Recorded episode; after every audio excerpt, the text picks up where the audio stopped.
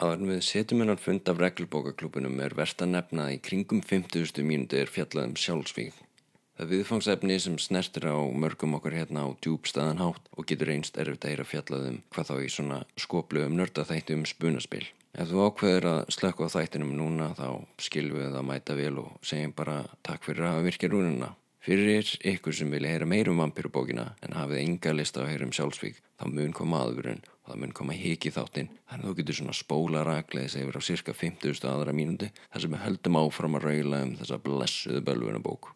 Ef þú eða einhver sem þú þekkir er að glímuða sjálfsvíshugsanir og er fjöldi úr það sem stand til bóða. Þegar merkjuhundurinn byrjar að gelta þá sakar aldrei að heyra í vin, kunningja eða fjölskyldumöðlum sem þú treystir þú ert aldrei byrði og það er alltaf einhver sem að þykja vænt um þig. Ef verið faglega aðstóð er upplýsingarsými heilsugjastlunar í síma 1700, hjálparsými Rauðakrossins 1717. Netspjall heilsu verið býður einni upp aðstóð gegnum verjaldavifin, auk þessum píeta samtökjunir að finna í síma 5522218.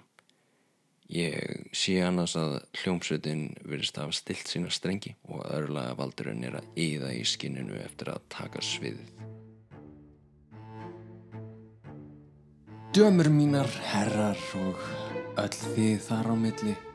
Við erum hér saman komin til að komast í gegnum þessa raun sem kallast lífið. Það stuðar, þetta orð, þetta líf. Það þýðir að ei lífu og eilíf þegar hansi löng er það ekki. En hvað ef það er eitthvað meira? Eftirlíf. Heil veröld í boði af óbylgjardri nöytt þar sem við skínum jafn bjart dag sem nótt. Af því þessu lífi er allt erfiðar en í eftirlífi. Af því þessu lífi ertu einn. En í kvöld látum við ekki lífið draga okkur niður þegar það stendur til bóða að rýsa upp úr daufu dormi venjunar. Þegar það stendur til bóða að lifta sér upp. Þegar það stendur til bóða að njóta algjörlega uns festing okkar brestur. Það er ekkert orgiðutal í dag samt, sko. Og Ertu viss? Nei, nei, kemur í ljós. Bloodstained Love, Bloodstained Love var að koma út. Já, jú, true, true. True, true. Ég er spenntari fyrir Blood Sigils, persónulega.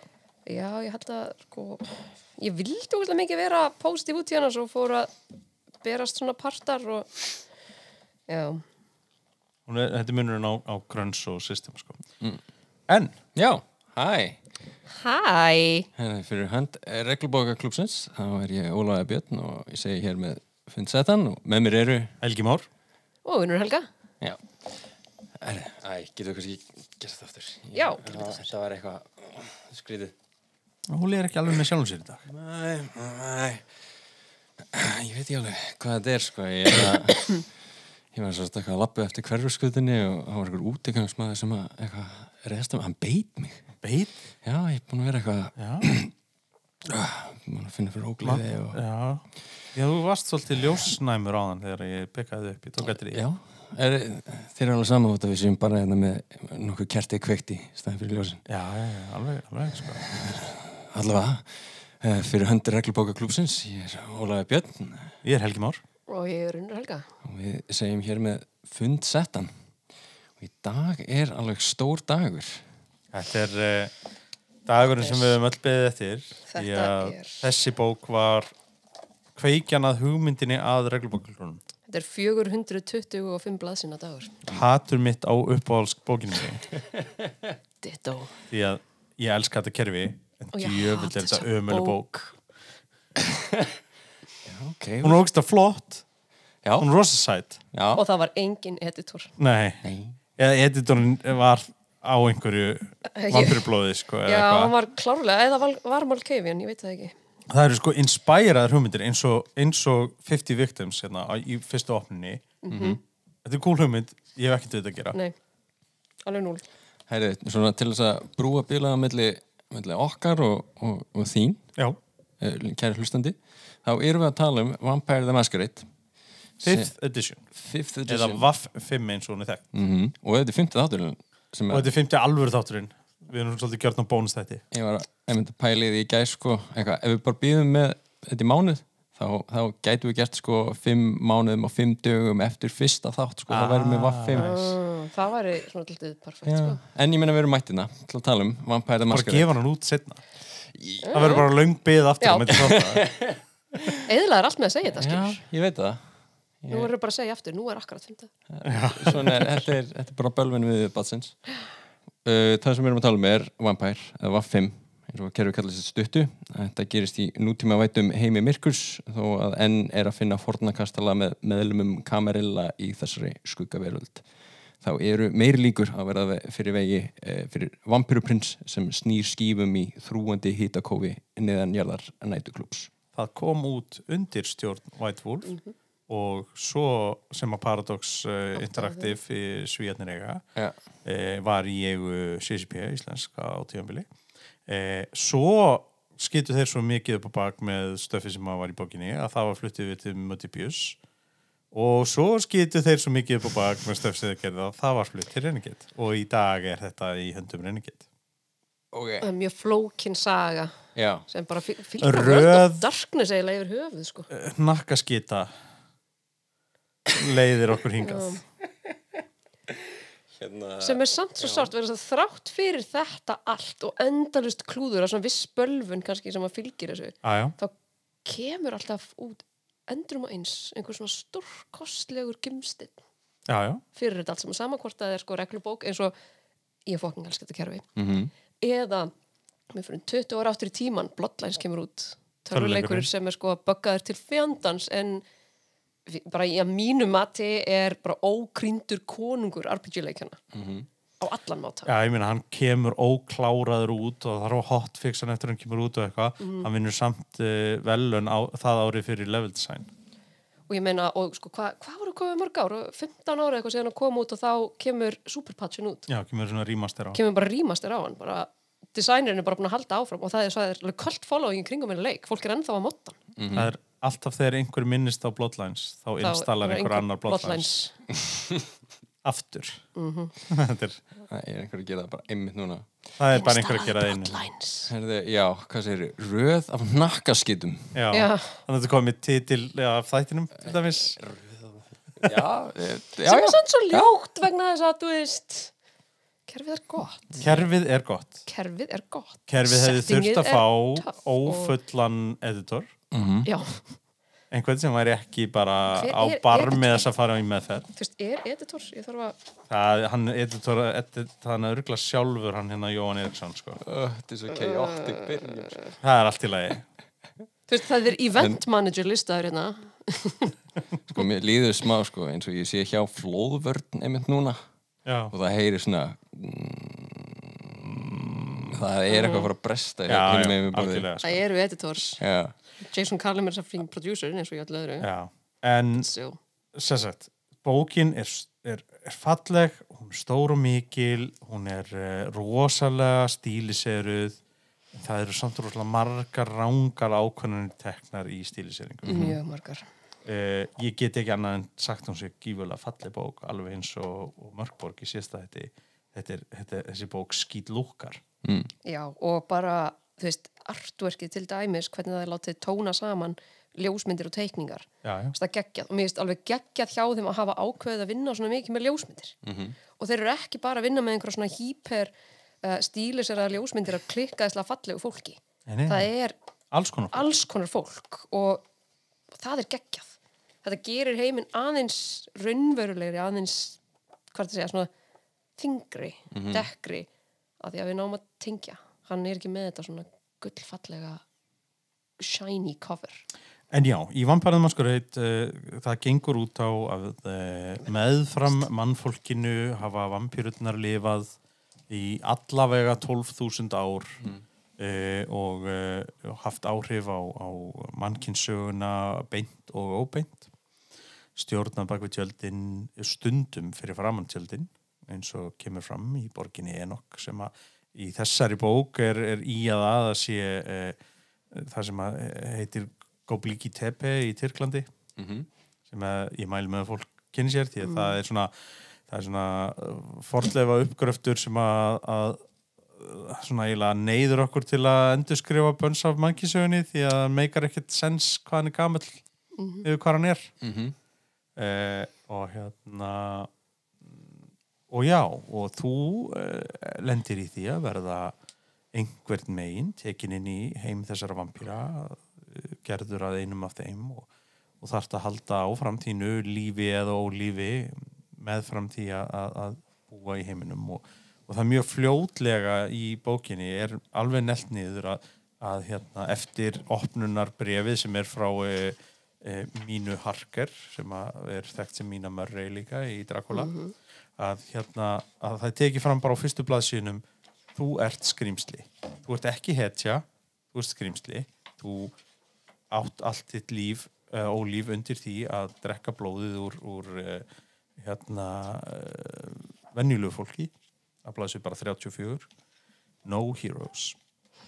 Og að, að það er alveg tekið, tekið steinu nú með það að, að þú ert ekki hérna að blóð poweruð ofurhetja sem er að réttaninn ránglæti en til að eða, eða gera heiminn eitthvað betri fyrir neitt annan en sjálfa þig. Hey, ég Þetta er a Já. game of personal and political horror. Já. það er að segja kallar hann. Og það er Vampire the Masquerade og það var allt vittlust samt þegar þessi bók kom út. Þess að hún er bæði dekkri hún er meira svona underpowered heldur en kerfið sem kom á undan sem er vaft 20 Já, já, það skiptist alveg í tvent sko, veist, það voru rosa margir af gömlu spilunum sem vildu bara vera einhverjir uh, ódöðlið tren- blóðguðir sko, trenchcoat samurais. Eins og þú kallað er Það eru fólki sem að lifiði sér mjög mikið inn í Blade sko. Yeah, I studied the blade. Já, Já. og þeir og glimtu eiginlega einu. Uh, þeir voru klárlega að spila Vampire. Mhm. þeir voru ekki að spila The Masquerade mm. But I'm not gonna yuck on people's yum og það er kannski það sem er best við Vampire the Masquerade þú getur gert hann rosalega mikið að þinni eigin. Já, það er Já, engin innleið fyrir það er, þú veist kampinni mitt og kampinni unnar er algjörlega á mismunandi býst sko. við erum sérst bæði að stjórna vaffum Já, og við erum búin að vera að gera það í mörg ár, ár sko. sko. Ég, hún, Þú meira fast, alveg þrjú ár núna, ekki? Jú. Uh, Ég meira jú, svona komið og farið Vampire kampinum, stjórnaðum nokkrum og ég er að keira svona þryggjaparta Chronicle sko, sem er alveg svona huge örk Ok, þannig við getum alveg, við getum sagt með bara fullurvissu, ef einhver er að fara að pæla hvaða leppalúðir eru hérna að fara að kommenta yfir uh, mestu snild spunna að spila bókmenta, þá bara ekki neinn, þið eru með rosalegt sífi á bakvið ykkur. Ég verið að spila Vampire frá ekki Mm. fyrstu útgáfu en fyrsta útgáfu endist líka bara í næsti ára eða eitthvað sko. já, tökum að sér hratt sko. Já, að ég ég held ég síðan í annari útgáfu, þú veist, ég hef verið 13-14 ára þegar ég opna fyrst Vampire Masquerade bók. Mm man alveg eftir fyrstu bókunum og líka þú veist, náttúrulega allur World of Darkness sem er miklu miklu meira en bara Vampire. Já, já, ég var alveg obsessed með, með svona, Korax sem eru sérst hérna eru svona Var- varkrákur og Anansi sem voru Were Spiders sem terrifying kveikindi en það var ógstlega gaman Algjörlega. spilaði sem að uh, við munum fjallum setna í uh, Werewolf, Í uh, Werewolf. The Apocalypse bókinni það sem að báðar þessar verur komum fyrir. ef ekki bara byrja á hérna art og layout Við getum gert það, sko. Hvað séu á kápunni? kápan er falleg, sorry þessi bók hún bara kallar á mann hún er, þú veist lítinnir eru fallegir, þeir tóna saman hún er svona stór og þung og Mér finnst hún ofstór. hún er alltaf mikið stór, það er ekki auðvelt að láta henni í bakbókan sinni eins og mörgborg Já. en ég ætla að Mér mynda að minnast á það að hún gæti verið svona kannski 40 blaðsíðun stittri já, ef þeir hefðu bara nýtt speysið á síðunum betur. Það eru rosalega margar síður sem eru bara með svona negative space sem að gerir ekki neitt. Þú veist, bara tómt, hvít Mm. uh, út um allt uh, síða eftir síða það sem eru uh, bara svona hálfblað síðan nýtt og restin er bara svona já, illa nýtt. Heil, heilblað síða art sem að jú er svo flott en þurfti ekki að vera heilblað síða þú veist geggjubók, Mm hún er rosalega mikið style over substance að mörguleiti Já, og ég verða við kenna sko, hún liður mér svo algjörnum skítala að segja þetta, öll þessi bref í byrjunni, já, gefandu þau eru regla fyrir einhvern sem hefur aldrei svona dýftán með World of Darkness, þá finnst mér þetta orðið dálítið mikið þegar við erum komið með sko 30 og eitthvað síður af svona random fluffi. Það segir þér ekkert um hvernig heimurinn virkar, en svo er það líka að mjög margir er að spila þetta þannig að þeir eru að spila pýrur sem er að detta inn og vita ekkert. Já, mm það er svolítið gegnum gangandi með bókina að, að hérna, kaplarnir á henni er ekkit endilega í réttri röð. ó nei, Þú veist, og það sem er í kaplunum er ekkert endilega heldur í réttri röð. Nei. stundum er bara eitthvað sem þú ert að lesa í einhverja mínum kapla það, svo kemur, kemur bara já, nei, það er í þessum þarna kapla og þú veist ekkert af hverju eða hvar sá kapli er en það hefur þessi bók stundum verið svona í góðlaglegum húmor kallið storyteller the page turning þú finnur aldrei það sem þú ert að leita að aldrei sko, reglurnar til dæmis byrja ekki fyrir blæsi 115. Mhm. Það ætti að segja það rýmislegt. Og, og reglu, þú veist, kor regluparturinn á bókinni er 16 blæsir. Já, hún hérna, ég held að við nefnda í bílnum með hérna, að- leiðinni hérna, hún tekur rosalega langa tíma. Hún er rosa að- lengi gang þannig séð, sko. Eh, hún, hún, uh, sko, hún byrjar kannski, þú veist, þetta er mjög cool fyrir einhvern sem er að koma inn alveg nýr að kynnast kerfinu að, þú veist, bara svona þú veist, þetta er, þetta er, þetta er hérna mikill svona stígandi í, þú veist, þú ert að lesa hvað er og eitthvað. Hún er bara svolítið lengi að koma sér að efninum efninu, sko út af það, svo tekur hún, hún tekur hérna 16 blaðsjöður í, í, þú veist kjarnar reglurnar fyrir svo aðeins inn í karaktera og hvernig þú býr til karaktera. Svo tekur hún annan kapla af einhverju svona aðala flöffi Mhm. áður en hún fer svo aftur í powerina henni, þú veist, þessi kapli hefði ekki þurft að vera þarna. þarna. Og þú veist, þetta er svona veist, og í bókinu allavega sem ég er með þá eru þrýr appendixar. Ég held að einhverjir þeirra hafi verið settir inn ekki í orginálgáni heldur þú veist, í endurprenturum allavega fyrstu tveir af þessum appendixum hefði þurft að vera bara í reglurkaflunum já og sérstaklega sko ef þeir að halda sig við og þú veist, sérstaklega multigaming, appendix sko. 1 hann á bara að vera partur af core rules já. hann á ekki verið í appendix út af því að þú veist finnur hann ekkert ef þú veist ekki hvað þú ert að- hvað þú ert að leita sko. Nei, mitt sko, hérna ég, standard feeds skilur. Mhm. ég hérna, þegar ég var að fara að byrja að lesa bókinu sko, þá var ég með svona stafrænu útgáfa af henni. Já, þú lest hann bara stafnættir ekki Jú, og hérna, það er bara þessi mitt fyrstu 30 síður eða eitthvað af bara, eitthvað ég, ég nenni ekki að lesa það. Nei, Nei, nákvæmlega Ég held að ég hef ekki lesið þér fyrir en að við fórum undirbúið hann að þátt sko. Já. Ég er bara svona, já, hér er eitthvað fluff, ég ætla að fletta áfram í því Já. En ég er náttúrulega þarf það ekki út að ég er búin að spila þetta kerfi svo lengi Mhm. kemur nýtt edition, ég þarf ekki að lesa allt fluffið upp og nýtt en svo er það líka sem er já, svo sama tíma er þetta blókslega erfitt vegna þess að fluffið í World of Darkness er flókið. Mhm. og það byggir, og flókið það er og- djúft og flókið og líka svo byggir það allt upp á þeirri hugmynd að það veit enginn hvað er rétt. Já, þetta er eins og, þú veist, hvernig af hverju eru til vampýrur og það er þetta sérst hugmyndin að vampýrur komi frá Kane já, sem síðan á sama tíma er, sko, Camarilla er bara eitthvað, þetta er bara kjáftæði bara það er ekkert svona, þetta er bara eitthvað sem að þessir trúa, þetta, og það er allt kaos og þeir eru náttúrulega Unreliable narrators. unreliable narrators út um allt. Mér fannst þeir einmitt gera of mikið af því samt að, að codifæja þessa sögu um Kane inn í kerfið sjálft Mm. við að hún á að vera conjecture. Hún á að vera ein af hugmyndunum. En, en mekanist í kerfinu gengur hún upp eða sem sagt vampyrur eru flokkaðar eftir kynnslóðum og, og hérna, þá hversu nálagt þær eru og annað. Sem er svona ótrúlega weird vegna þess að þeir eru bókstælega með vampýrur í fluffinu sínu sem eru í árum eldri heldur en sko járnaldar bókmyndina sem eru að koma út sem minnast fyrst á söguna um Kane og Abel. Já, já. Þannig að þú veist það, þetta á að vera í ruggli, finnst mér. Ég hef allavega alltaf litið á rosalega mikið fluffinu gerði það sem betur sem er, er Já. sýstur kerfi eða afkomanda kerfi þessi kerfi. Þar var kerfi sett upp þannig að bara eitthvað, þú veist, það eru bönsa sögum það veit enginn nákvæmlega hvað er rétt og kerfi gekk upp. Ég, já, já, ég meina, Requiem var verðug, verðug tilraun í mínum huga en finnst Requiem bakgrándi persónulega betur en í Masquerade en uh, ég vildi geti spila Requiem heiminn í Masquerade kerfinu. Já, skil kóðu ég, sko, ég, ég meina það er rosalega mikið um þetta fluffið þarna og mikið alvor, rosalega mikið verið að kynna einhvern veginn sögum minn, sko en það sem ég fekk svona á tilfinningana er að einhverjum fór að þykja aðeins og vænt um textansinn algjörlega algjörlega og þetta er eitthvað sem að Og um einkennir- karakterana sína. um karakterana Já. sína sko. non-playing karakterina Já. sína sem Það að þau eru- gera eina, eina mestu synd sem að ég veit að að kalla non-playing karakters ekki non-playing karakters Mhm. Ég kalla það storyteller player characters. Það er líka hver, hver þarf að læra nýja skamstöfun fyrir uh, það sem við þekkjum sem NPC en það er líka bara vandamál í þessu kerfi er að stundum rekstu bara á það að þetta er einhvers konar rungfest Já. fyrir einhverja NPC karaktera. Og það er eitt mjög þekkt uh, og svona krónikólatna úti sem getur bara spilað. Transylvania Chronicle Yes, og það er bókstálega bara og þú fer þarna og veistu hvað, og þessi kemur. Vá, og hann bjargar öllu og þú mátt vera með. Og svo, Nei, og svo fyrir sem þangað og þessi kemur. Þetta er meiri sér verra en þetta, ég spilaði þetta Já.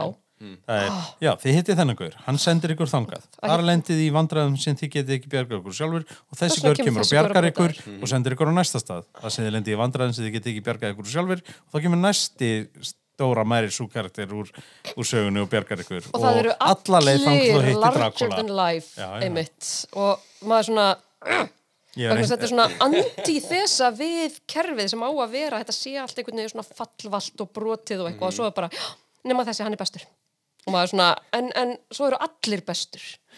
Uh, wow. og sko, ég geti haldið klukkutíma ræðu um Theo Bell sem Já. dæmi um hvernig á ekki að skrifa Bell Fuck Theo Bell Já, fílingur af eitthvað, hei, vil ég kíkja í ævintýri? Ok, þetta er ekki alveg beint ævintýri, þetta er svo að þið farað á teina og ég ætla að sína ykkur alla flottu NPC, eða sorry, ekki NPC-ina mína. Storyteller player characters Historical til, og þeir eru ógslag flottir og þeir eru miklu betri en allt sem að þið getið gerst. Já, þetta er pínu eins og hérna, hvað kerfið Paladin þar sem að allt hérna beginner æventýri sem var partur af reglubókinu var bara eitthvað og þú farð að fara með Þetta eru flotti karakter, þetta er okkar. Þú ert ekki rittari, þeir eru það. Maður bara, Þetta heitir Paladin, af hverju fæ ég ekki að vera Paladin? Máttu það ekki. Nice. Já. Já, það er það, þú veist Be a fan of your players er ein af stóru reglunum í roleplay fyrir mér. Þú sem TM áttu að vera fan af playerunniðinum og playerunniðinir eiga að fá að vera aðalpersonunar, ekki aukapersonunar Það var til gammalt D&D æfintýri nokkur sem að, hérna, öll Volo æfintýri geng út á þetta sama. Mm -hmm. Playernir lendi í einhverju og Volo kemur á bjargar þeim Yay. Ógeðslega lítið gaman Það er ekki líka ævintýrið, Getur verið eitthvað, eitthvað mjög svipað, eitthvað svona, hei, maður setið þessum? Já, Já. Þetta, þetta var svona name drop og þú veist, náttúrulega World of Darkness yfir höfuð bara þjáist að lítið fyrir á það, það tíma sem það er skrifað og hvernig það er skrifað og af hverju og kostna hvers og hvers vegna um, og svo náttúrulega var þetta bara komið til algjör struggla á tímabili, það er til dæmis í, í lórinu áður en þeir tónuð aftur niður með því þegar þeir gefa þetta út og breyta öllu World of Darkness í rauninni. Þá voru svona senur eins og eitthvað og svo vaknar Antediluvian sem er svona geðveikt gömul vampíru ættfæðir Já, og eina leiðin til að stöðvan er að þeir henda, ég man ekki hvort það er sko gamegeisla, game-leysigeisla kjarnorku sprengju einhver staðar í Pakistan og það er bara svona sagt í bókunum, já það tók enginn eftir því að var enginn þar og maður svona veistu hvað búa margir í Pakistan? Og, og bara þannig eru tvö kjarnorkuveldi og allir heimurinn er alltaf að fylgjast með þessum stað en vegna að þetta er skrifað einhver staðar af hópi af einstaklingum í bandaríkunum hvað er rétt, 98 eða eitthvað svoleiðis. Vico Nightmares er, já, 98 Já, þú veist, þá er bara svona Það heitir þetta Week of. Nightmares. Og þá bara einhvern veginn er þetta útilokað. Það er svona, Já, já, heimurinn hann úti, það, það, það býr engi við frelsi. já, það nei. Freedom! það er bara, það eru bandaríkjumenn og svo er svona, er náttúrulega til Dark Ages sem gerist í, í Evrópu og, og það er bara einhvern veginn líka engin skilningur á fjúdalism eða neitt Nei, nei, nei, það gerist ekki í Evropa, það ger- gerist í Game of Thrones. það gerist í Game of Thrones, akkurat Evrópa er bara svona eitthvað sem er basically eins og Game of Thrones, það tala allir sama tungumáli líka alltaf Uh, hvað sé, en hvernig myndið þið þá Við lýsa? erum ókýrslega neikvæð með við hvað við elskum þess að fucking... Þetta er svo mikið lofheit. Já, hvað er, hvað er eiginlega flott við heim Myrkurs? Það er ógeðislega margt flott við heim myrkus Það er uh, oft, hérna, já, hvað er flott við sko? Uh, þú ert að spila skrimsli sem er að reyna að halda í þið mannlega í sér. Berst við sjálfan sig okkur í einasta kvöldi Já, og alla aðra líka. Að, að, en það eru líka verri hlutur en þú þann úti og ég meina hvað er línan, hve, hvenar á ég að, að, gleyma mér í, í, í skrimsla uh, heitum mínum? Og hvenar, hvenar er eitthvað þessi virði að berjast fyrir? Mm.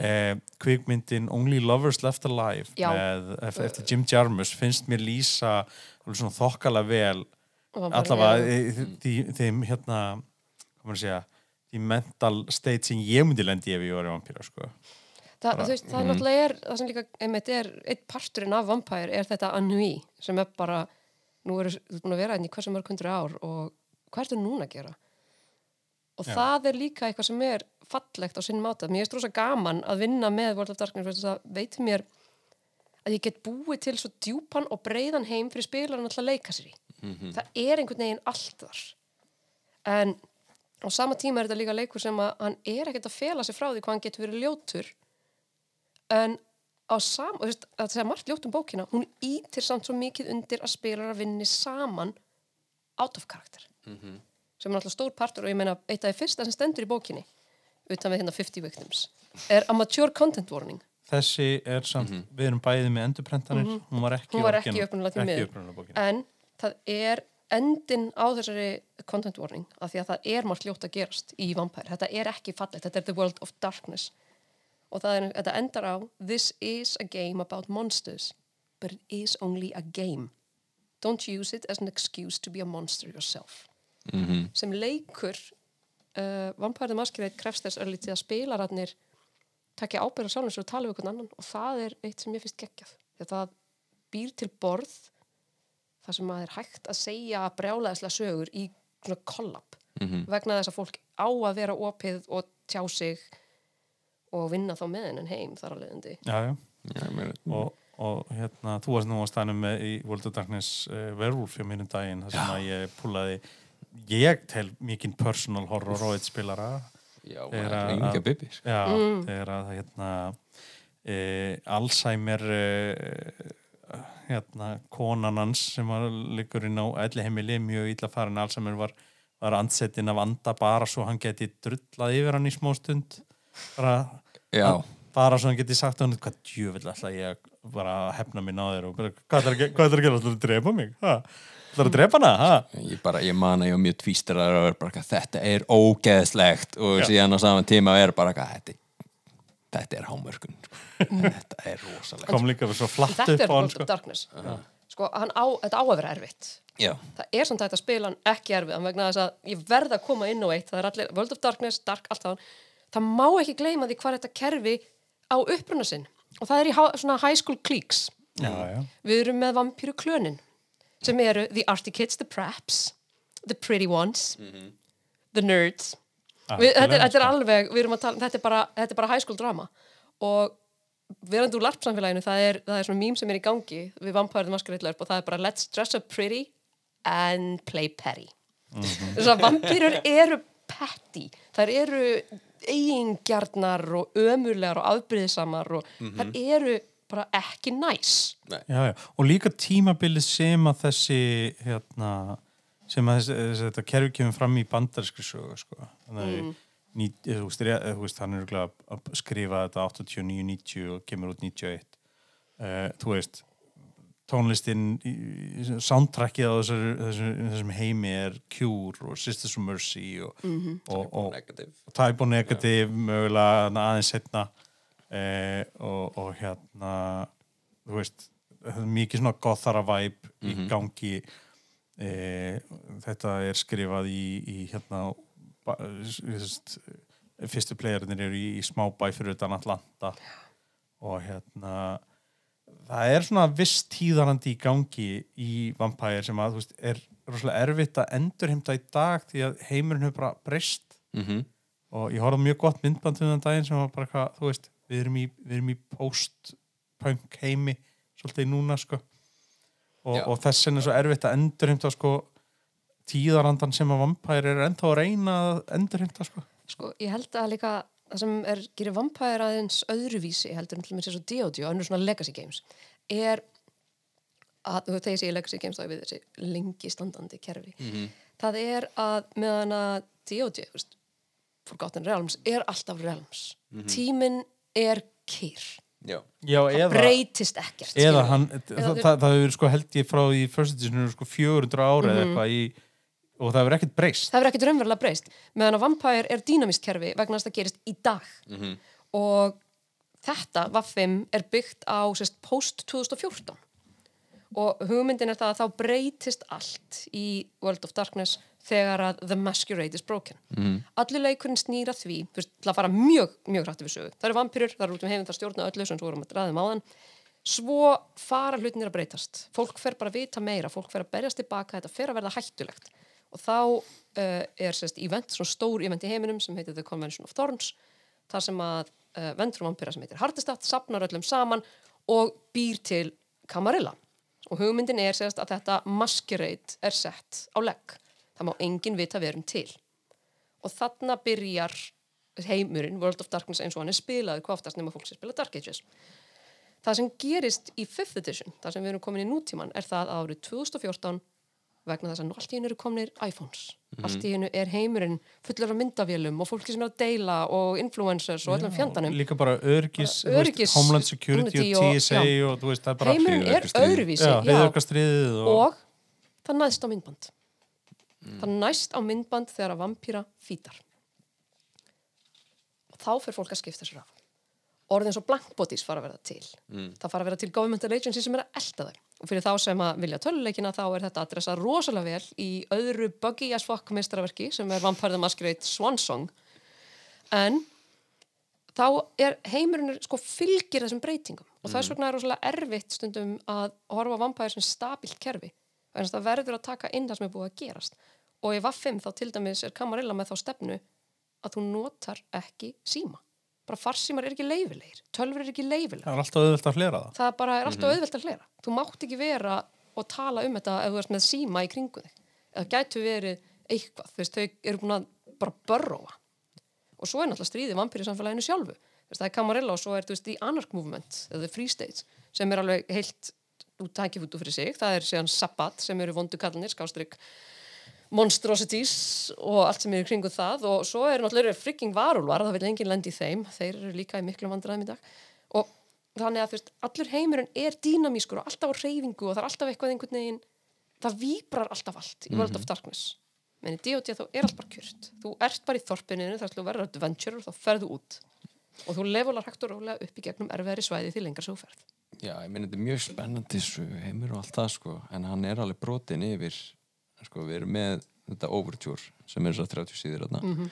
og síðan kemur Concept sem er bara svona World of Darkness. Og síðan fyrir Kindred Society það sem er vampýrur ok, klön, reglur karakterar, vampýrur og síðan finnst mér svona eins og þetta sé einhvern veginn að koma aftur, þetta sé svona samlokað einhverju svona söguheimi sko sem að Já, ég veit ekki hvort það væri betra eða það væri væri 300 síður eða eitthvað af bara hérna er baksag og hérna er reglur. En, Sko, það- hérna, ég hef heyrt og, og lesið mér til um að, að syns, þessi bók og næstu tvær sem það gáð út, sem voru bók sem heit Camarilla og bók sem heit Anarchs séu allar mikið til unnar upp úr vinnu, biblíu, CCP þegar þeir ætluðu að búa til World of Darkness töluleik eða Vampire töluleik.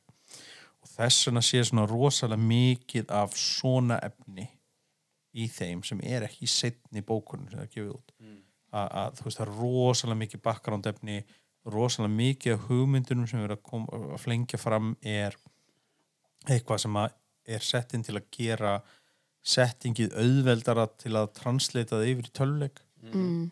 eins og til þess blankbóti pælingin uh, masks og, og, og, og hérna, second inquisition er mjög þægilegir sem faceless og vondukallar og, og hérna uh, bekkoningi til að losna við þessi eldirar út um allt ég er reyndar að gegja til í bekkunum varst alveg komin tími til aðeins að reynsa til sko. sko.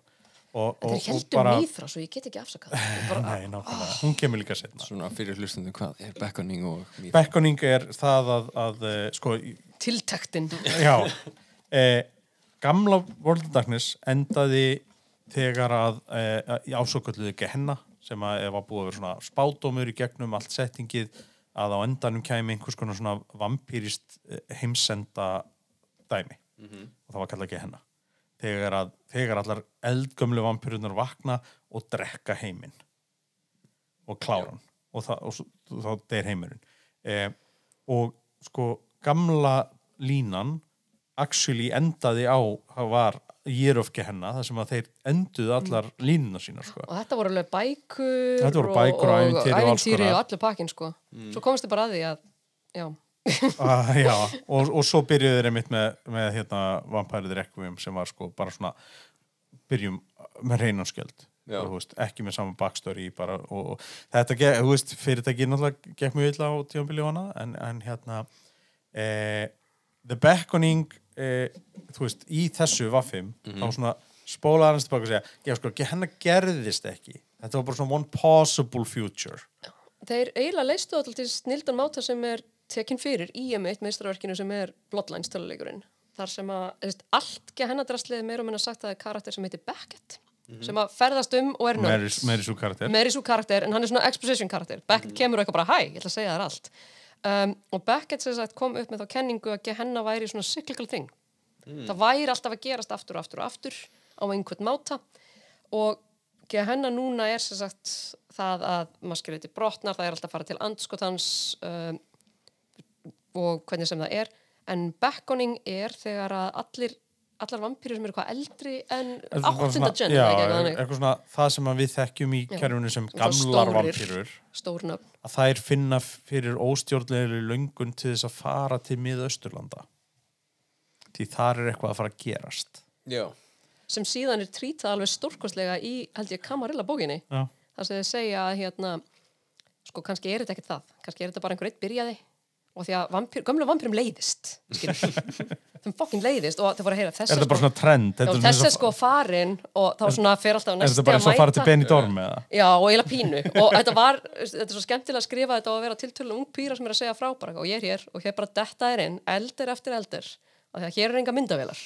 Þetta er bara einhverju stríðsveiði einhver staðar fyrir botni miðurahafs það er bara hér komst þið bara upp með allan fjandan og þeir eru bara næstum því á Instagram að sko kalla á hvern annan bara hei, ekki hennar. Og Ég meina ef það hefur ekki verið gert áður þá væri klárlega hægt að vera með einhverjar vampýrur að starsta í rekstríðinu bara til þess að vera eitthvað hei, förum okkar Já. Crack, crack open a couple of cold one with the boys. Já, just went through things. Ég meina, það eru ansi margir fölir hérna í stjórnartíð George W. Bush sko. Karl Rove Algjörlega sko. Ekki á lífi En til að snú okkur aftur á bókinni, sko, hún já. er, sko, bókin er bæði aðlaðandi með allum þessum myndum og brefum og hún, hún er þannig að sé fallega uppsett en á sama tíma er hún bara fáránlega uppsett.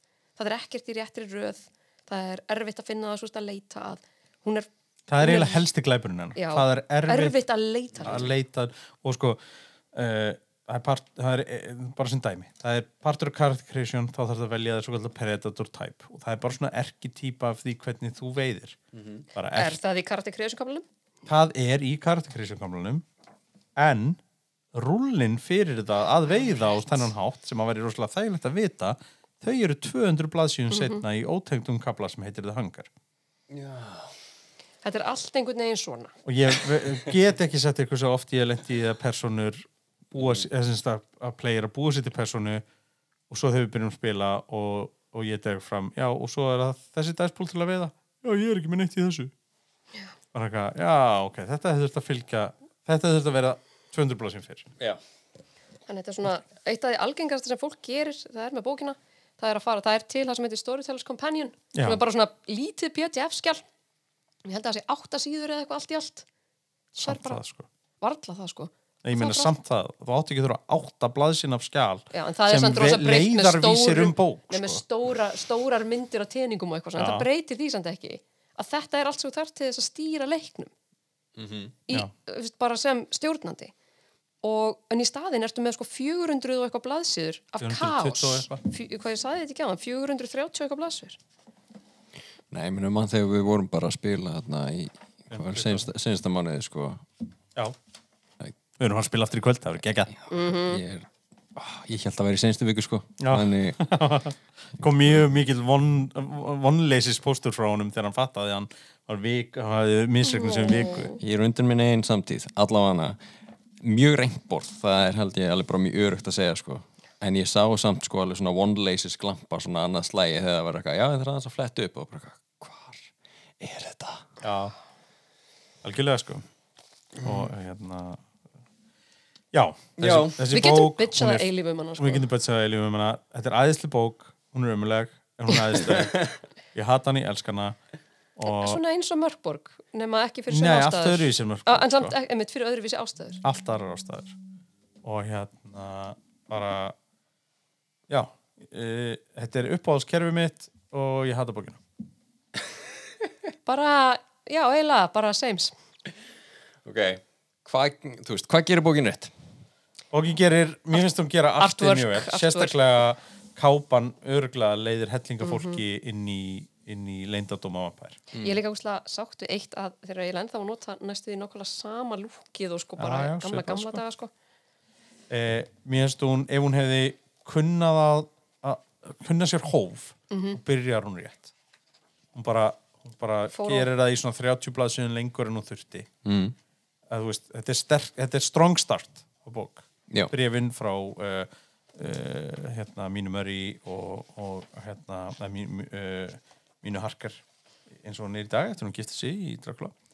uh, en svo hefði hún mátt fara í eitthvað aðeins bitastæðara, þú veist, um leið og þau eru búin, en hún heldur bara áfram. Það er bara ný bref frá einhverjum öðrum. Já, hún verður svo rambling svo hratt. Já.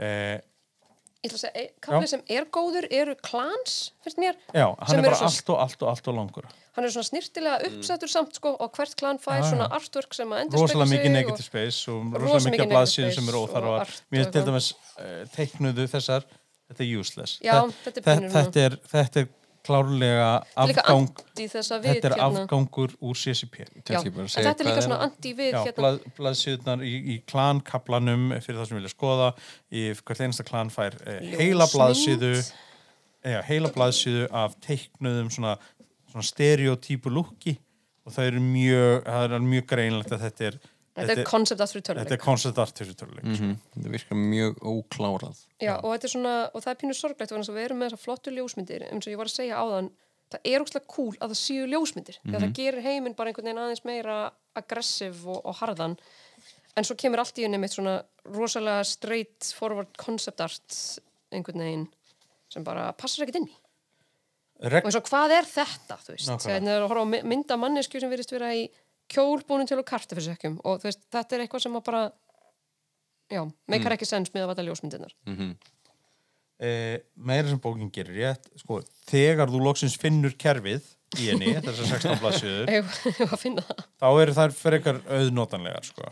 eh, appendixin hefði mátt vera með þeim Mhm. eh, og, og hérna og alls konar þú veist þá, svo kemur heitt karakterkrísum kapli svo kemur kapli sem heitir Advanced Systems sem að hefði bara mátt vera í reglunum. Já. og þú veist ekki láta þið þurfa að velja og hafna allir góðstafinu sko. Já. Vampæri sérst er með tvískipt kombatkerfi Já, sem er alltaf skemmtilegt vegna þess að sko, sömur vilja spila kombat alveg út. Og ég skil það rosalega vel. Og þá er kerfi sem er alveg ætla fólki sem vil fara í initiative order og vinna þetta þannig en svo er líka svo kallar 3 to done kerfi Mhm. sem er rosalega bara quick paced þægilegt og sem er svona opposing rules þannig að þú ert ekki eitthvað að deklera þessi gerir fyrst og svo þessi og svo heldur bara svona, það gerist alltaf á sama tíma við gerum þetta þrísvar og svo er það bara resolvað eftir því hvað er búið að gerast í þessi þrjú skipti. Þess má geta að framhaldskerfin Hunter og Verúl Mm. þau bara fóru í þátt. Já, bara, já nei, nei, nei, við erum ekki að eitthvað stúsast í innistif, það sé bara allir hvað er allir að gera svo gerast hlutinir í röðinni sem meikar sens að þeir gerist. Oftast- röðin er, ef þú ert þegar í návíi við einhvern, þá byrjum við að vera að leysa það. Ef þú, ef þú ert á leiðin í návíi við einhvern það nei, nei, það er, það er, Það það er- návíi svo er það Svo er einhversi hérna- skotin og svo er það, Og svo er það á leiðinni já. og ef þú gerir bara eitthvað eins og bara, já, ég ætla að lemja þig og Helgi ætla að skjóta gaurinn þarna en þessi gaur ætla að fela sér baku stól. Þá erum við ekkert að pæla í honum, hann bara felur sér baku stól. Ef er enginn að fara að ráðast á hann enginn að fara að gera neitt og hann er ekki að fara að gera neitt af hverju eru þá að rúla fyrir hann? Er, veist, þannig að er þetta er dice light kerfi Mjög. En ég meina, er ekki líka síðan eitthvað ein leið að bara rúlla einum tengi? Eh, nei, Mm. Einmitt eitteiningstest eru notuð í, í hungur og annað. Já. en uh, yfirleitt notar þú dice pool kerfið þegar þú ert að leysa svona stærri hluti. Uh, það er aðalega fyrir hvort þú ert að verða svengri eða aðri hluti sem þú notar fyrir Okay, nei, ég myndi sko hérna bara eitt rúll. Jú, eitt ról, Jú. jú, jú, jú. Algjörlega. Ef þú sagðir eitteining þá Já, Það eru mjög margir teningar oft í þessu kerfi. Um, og það eru mjög skemmtilegir teningar í þessu kerfi. Mér finnst teningarnir sem eru notaðir í vampaðir flottir. Það er, sérst tí, það eru notaðir tíu liða teningar og þeir eru ekki frá einum upp í tíu.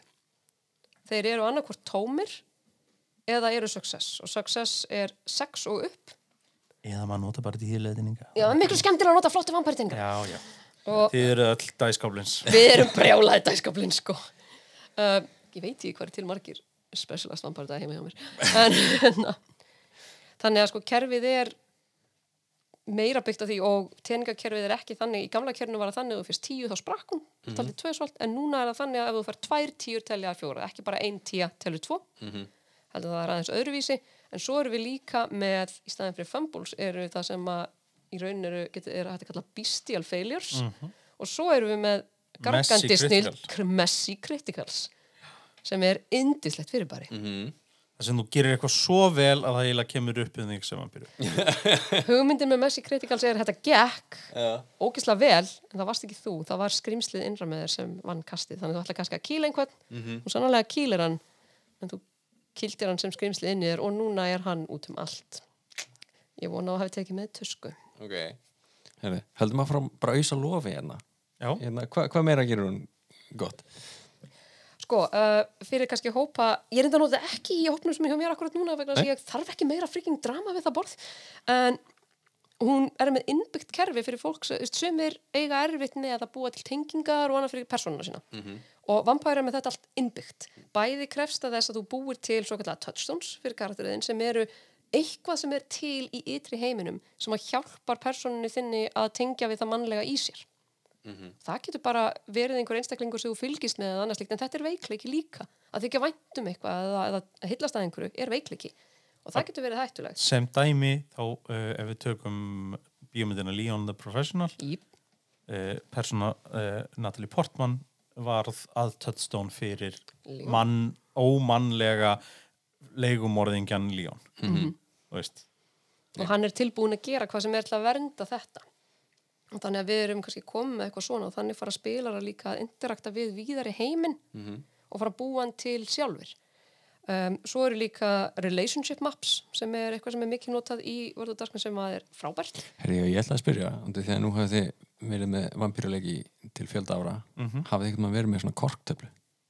Ég hef ekki notað koktöflu og rauðan tráð en, en ég hef notað bæði Kumu og World ég, ég, ég, ég hef gert það á, á, eh, hérna, internet eh, hérna, svona mindmappi.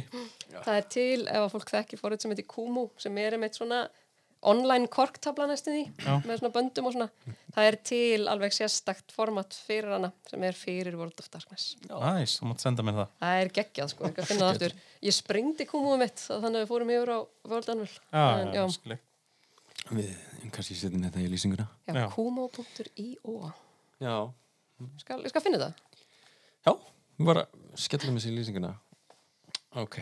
Uh, Hvað meira gerir hún vel? Eh, mér finnst eh, til dæmis, eh, manstu systemi sem við notum, hérna Coterie Creation já, það er mjög skemmtilegt. Við erum Eh, svona að meta Já, karakter. að þá áður en playerarnir byggu til sínar personur þá byggu við til mekanískan uh, part sem að er sem, að, sem var hópurinn þeirra ástæðan fyrir að þau róttuðu sér saman og voru að vinna saman þannig að það voru allir komnir með á, Ástæðu. ástæður og tengingar áður en þeir fóru í persónsköpun og mér fannst það hjálpa í, í Session Zero að, sem að allir eiga að nota það er gaman í Session Zero, ég var í Session Zero gerkveldi með Questportal að það gekja Mhm. En Vampire líka er eitt af þessum leikjum sem þarf kannski Session Zero meira en aðri meira sko vegna Já. þess að það eru bara efnistökin eru, eru grimm og dökk og fólk þarf að vera rosalega opið, bara hvað má og hvað má ekki um, leikurinn er líka með það sem heitir Chronicle Tenants. Mm -hmm. fólk er kvart til að setja niður þrjár reglur sem er bara eitthvað fyrir borðið okkar hvernig ætlum við að spila. Og þetta eru, getur bæði verið reglur sem þú tekur í karakter og utan karakter ég til dæmis hef spilað Vampire með larpópi og það er til dæmis bara ein reglan er ekki börn. Bara þetta er bara off limits. Bara við, við drefum ekki einstaklinga og það er alls konar reglur að því að bara það eru kannski aðri spilarar sem upplifa það slæmt. Við ætlum ekki að verða svona mikil monster. Við ákveðum hvað level af monster við ætlum að vera. Við tölum um það hvað við viljum alls ekki hafa í leiknum hjá okkur. Veist, við vitum ekki hvað fólk sitt við borðið og þetta er eitthvað sem bókinn tala líka um. Já. Þú veist ekki æfisögu þess sem að situr á móti þér við borðið og þú sem spilari og sem stjórnandi verður að hugsa um hina við borðið og treysta því að þeir séu að hugsa um þig. þetta er kerfi jafn ljótt og það er þá ítir það mikið undir að fólk sé að passa upp á hvort annað og sé gott við hvort annað.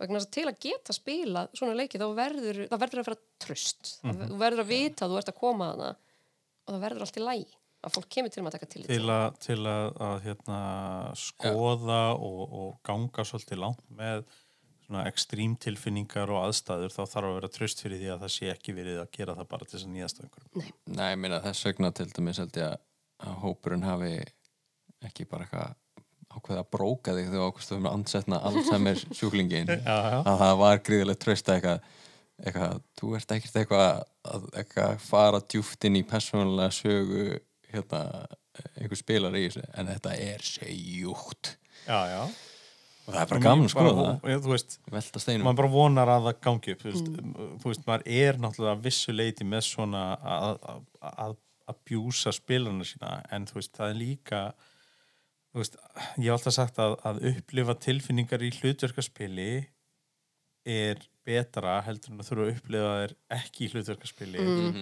Og, og það leifir þér kannski að díla við þær betur fyrir utan leikin þegar þú ert búin að fá að leika þær með þær í sandkassanum sem hlutverkaspilið er. Sko, ég ætla bara alveg að bakka þetta. Ég skrifaði 150 blaðsöður um þetta og kallaði það mistarrutgerð Já, um, en þetta er rosa fyndið að einmitt um þetta vegna að nýlega kom út viðbútarbók fyrir Vaffim sem heitir Bloodstained Love. Og það var allt brjálað vegna að það er talað um fyrirbæri sem er kallað The Bleed. The Bleed er sem sagt þegar þú sem einstaklingur fyrir að upplifa tilfinningar persónaðinnar í spilun eða eftir spilun. Sem persónaðin hefur farið gegnum eitthvað erfitt og þú ert á svona post-play blues. Já. Þetta er náttúrulega fyrirbæri sem er rosalega þekkt í, LARP og sérstaklega Nordic LARPing sem er alveg sér skóli í, í kvikspunaheiminum sem eldist við svakalar tilfinningar. En þar líka er allt byggt á þessu rosalega trösti og calibration og undan og eitthvað. En það var allt vittlust í sérstaklega á bandariska vampærumarkanum af því að orðið blít var notað og fólk leita það sem svo svakalega neikvæðan hlut og bara íta undir hættulega hegðun að segja að þetta væri eitthvað sem að spilarar gætu leitast jafnvel eftir eða upplifað og Það er hérna það sem er fjallað um þú veist hvað og ef það er eitthvað sem þú þarft ekki á að halda í dag þá getur bara spólað áfram á 53. mínútu.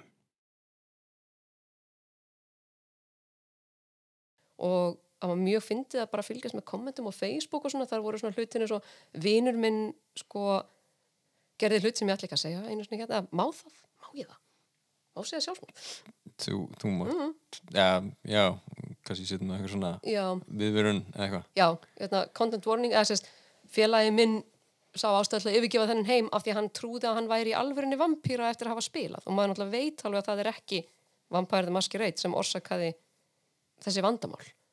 Og það var ekki eitthvað blít milli karakters og annars, þetta er róðið bara eitthvað Jack Chick level nonsense. En fólk er viðkvæmt fyrir þessu og Vampire er leikur sem að ítir undir þetta. Sérstaklega ef hann er spilaður rules as written. Og það er hérna það sem ætti að vera tiltölu raugt fyrir öll að komast aftur inn í þáttin.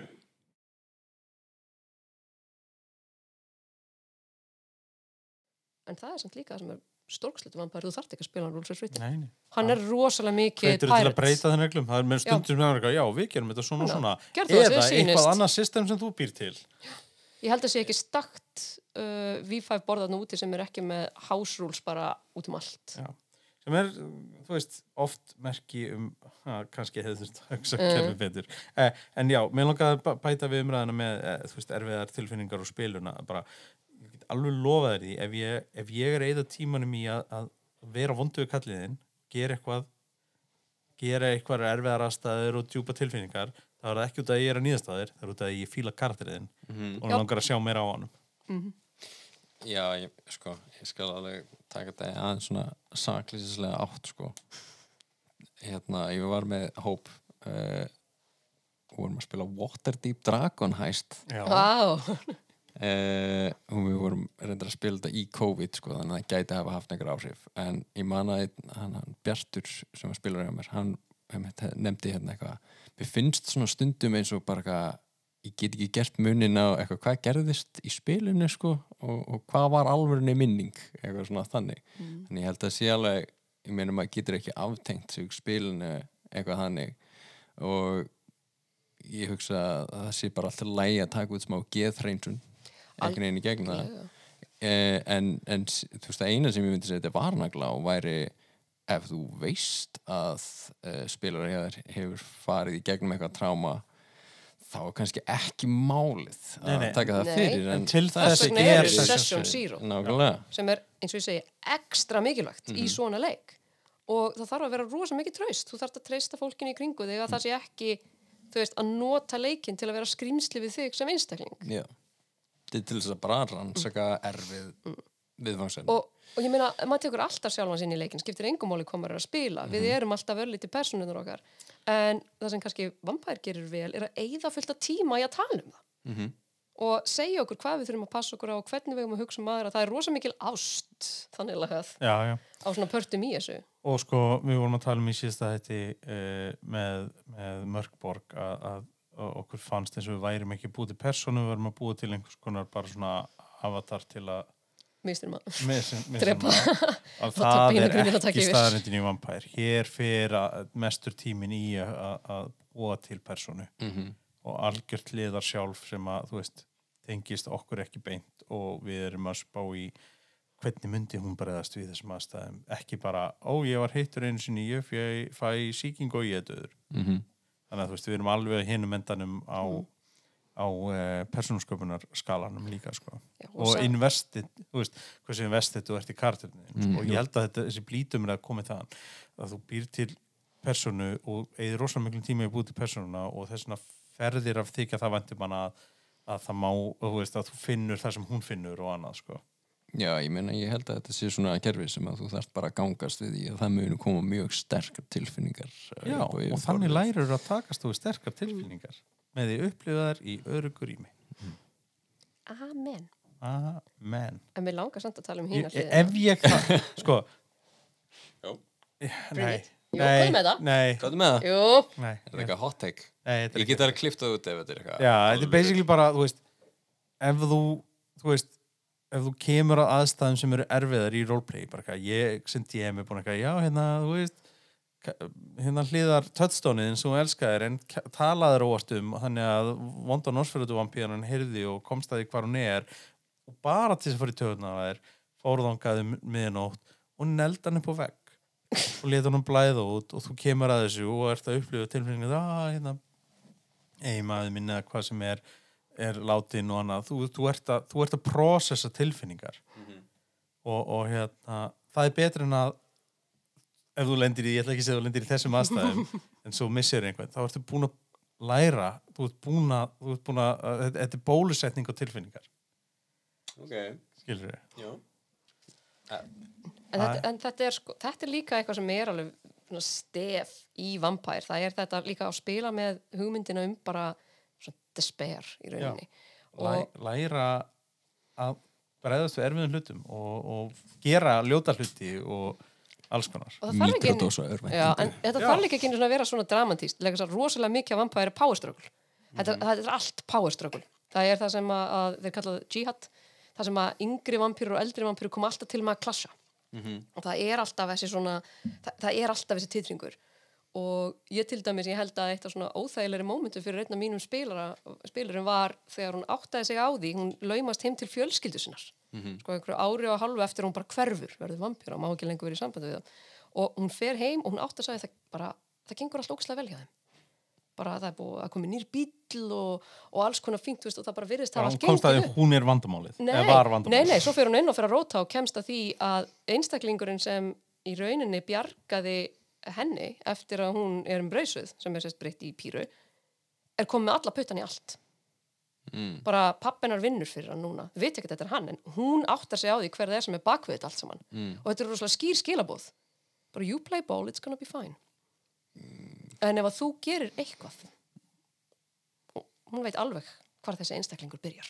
Þú veist, þannig þetta er þetta það er þessi stýring og underhanded nastiness sem að einkennir þetta, þetta samfélag vampýra og svo þetta endalösa power struggle sem er á milli tveggja stóru faksjónuna sem eru Camarilla og svo oft Anarch Movement og Anarch Movement sem miklu minni. Þá er þetta og ég það færi svona personal beef sem er mjög mikið að fólki segir til dæmis ég nenni ekki að spila Camarilla þegar Camarilla eru allir eins og standa allir saman og ég er bara, já, nei. Bull, bull, bull. bull, bull, þú veist, ég, ég hef með Camarilla kort og ég held að séu fimm factions innan Camarilla sem eru bara essentially allar að reyna að fokka í kronari því að það getur engin unni saman, það, er, aldrei það er vísu sko það erum við sem erum búin að spila þetta lengi sem erum búin að fatta að þetta virkar Já. þetta er svona.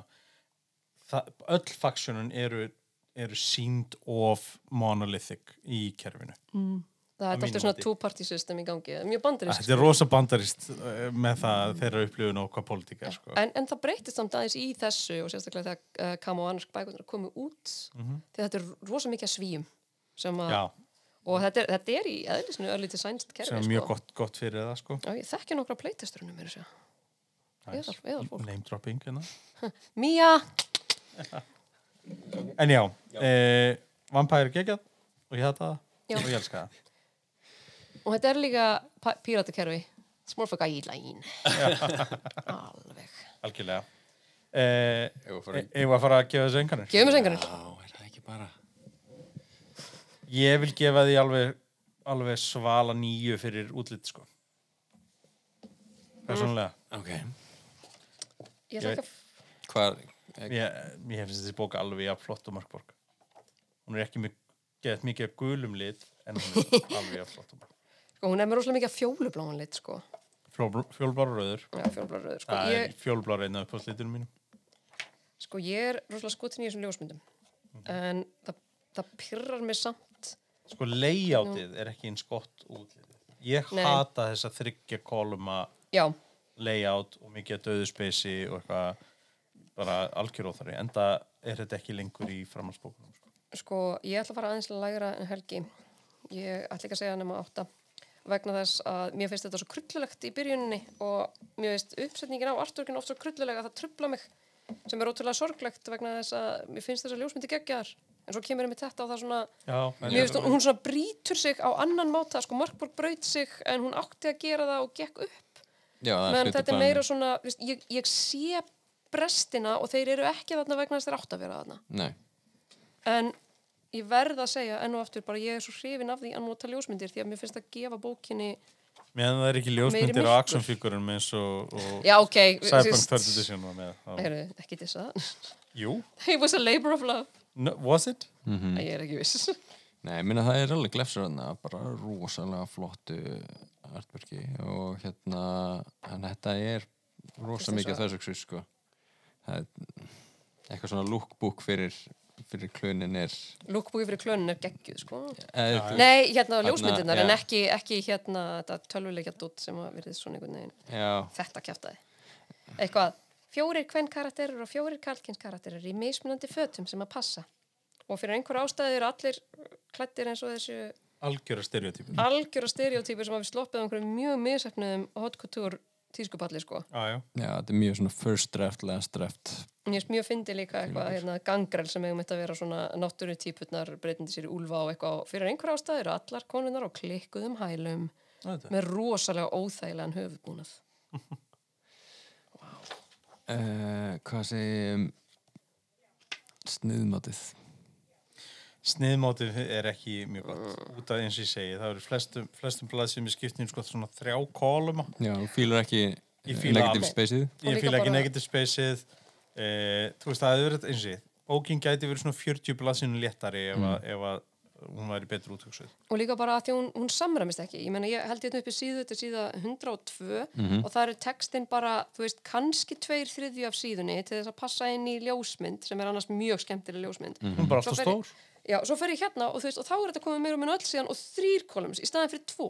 Veist, það, það, er, það er svo kaosið er einhvern veginn, þetta er ekki, þetta er ekki organist chaos eins og í Mörkborg þar sem það átti að vera kaos. Já, Svo ég, við, þetta er bara, Tökum Þetta kaos. 122 og hvað er 123. þetta? Bara, hvað er í gangi? Sem er allt í einu einhverju tómir kolumns inn á milli Já. og vantar það bara, stingur auðað. já, og þetta er líka Hversu, bara, þetta verður svo hversu látt ætla ég að fara í sniðmáti? Bara stingdu hnýrnum minn. Ég ætla að segja gefa henni fjóra fyrir sniðmót. Hún fær, hún fær ekki gott fyrir bæði sniðmót og uppflytileika hjá mér. Og sjáðu sér hérna allt í einu, erum við komin í allt, allt Mér finnst þetta öðruvísi. stókst að kúlu. Já, þetta er rosa cool look ef að restina bókinni væri líka svona. En Það má hérna, alveg vera variation en, en þú veist, þetta er orðin aðeins og mörg. þetta er, já, þetta, Já. er, þetta er svona manni líður eins og hafi mismunandi stúdi og skrifa mismunandi parta Sem gæti alveg verið, sem sko. gæti alveg verið. Og svo er henni þetta skeitt einhvern veginn saman og, og finnst eiginlega frekan eins og að það verið mismunandi hérna, layout artisti fyrir hvert gamla, sko. Já, ég ætla bara að gefa henni tvo af því að mér, Wow, já, ok. Nei, sko, ég hef bara, ég hef þjáðst í gegnum, við, við, við, já, ég I have, I have stories.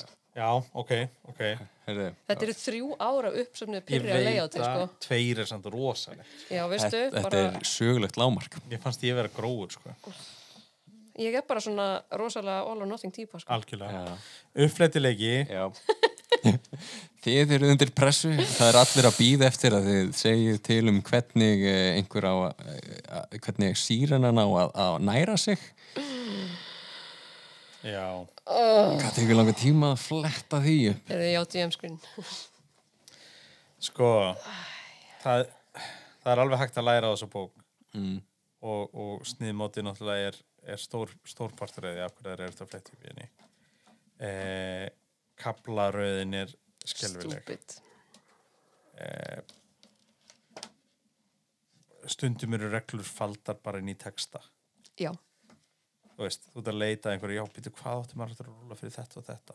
það er einhverjum er- subcolumn einhver staðar í Já, einhverju allt öðru, og, þú sko. veist, og, það er, veist, og það er ekki gert neitt þess að draga það út úr textablokkinni, ekkit eitthvað í italics eða bold eða neitt, það er bara hér er hvítblaðsíða með texta á Mm -hmm. þú þarfst í flítið að finna reglu af hverju er hún ekki bolduð Nei, minna, Af því að bara Já. despair. because bit. fögnum örvendingunni Akkurat. sko, ég ég held ég gef henni annan fjarkaðar það er alveg hægt að finna hluti í hennu, það er alveg Það er ágættis hjálpa. efnis yfirleitt. það er vísu í endurprentuninni. Það var ekki í orginalinu minni mig. þessi index sem er samt bara la. Hann er tvær blaðsjöður fyrir 425 blaðsina Og það er ekki eins og allt í ánum, sko.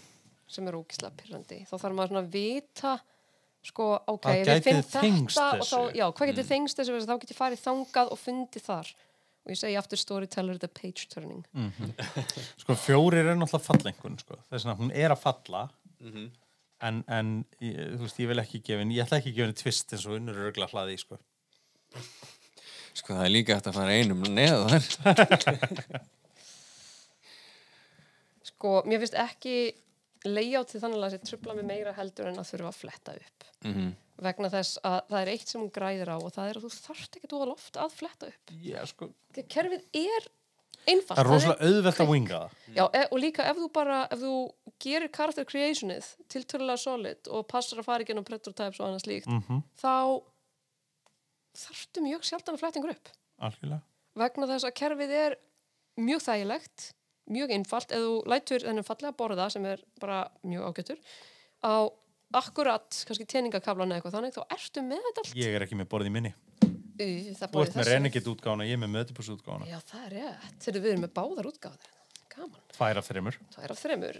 Ef ég hefði komið mína persónulegu, þá hefði við erum allir að En hérna, að þú veist, það, með upplýtilega, hún er slæmið og ætlar að vera að nota hana sem uppfletti rít, en hún krefst þess ekki að þú sért að nota hana þannig. Nei Þannig að ég er kannski ekki eins neikvað og Helgi heldur að ég sé. jú hvað er með það? Ég held samt bara að gefa henni fjóra.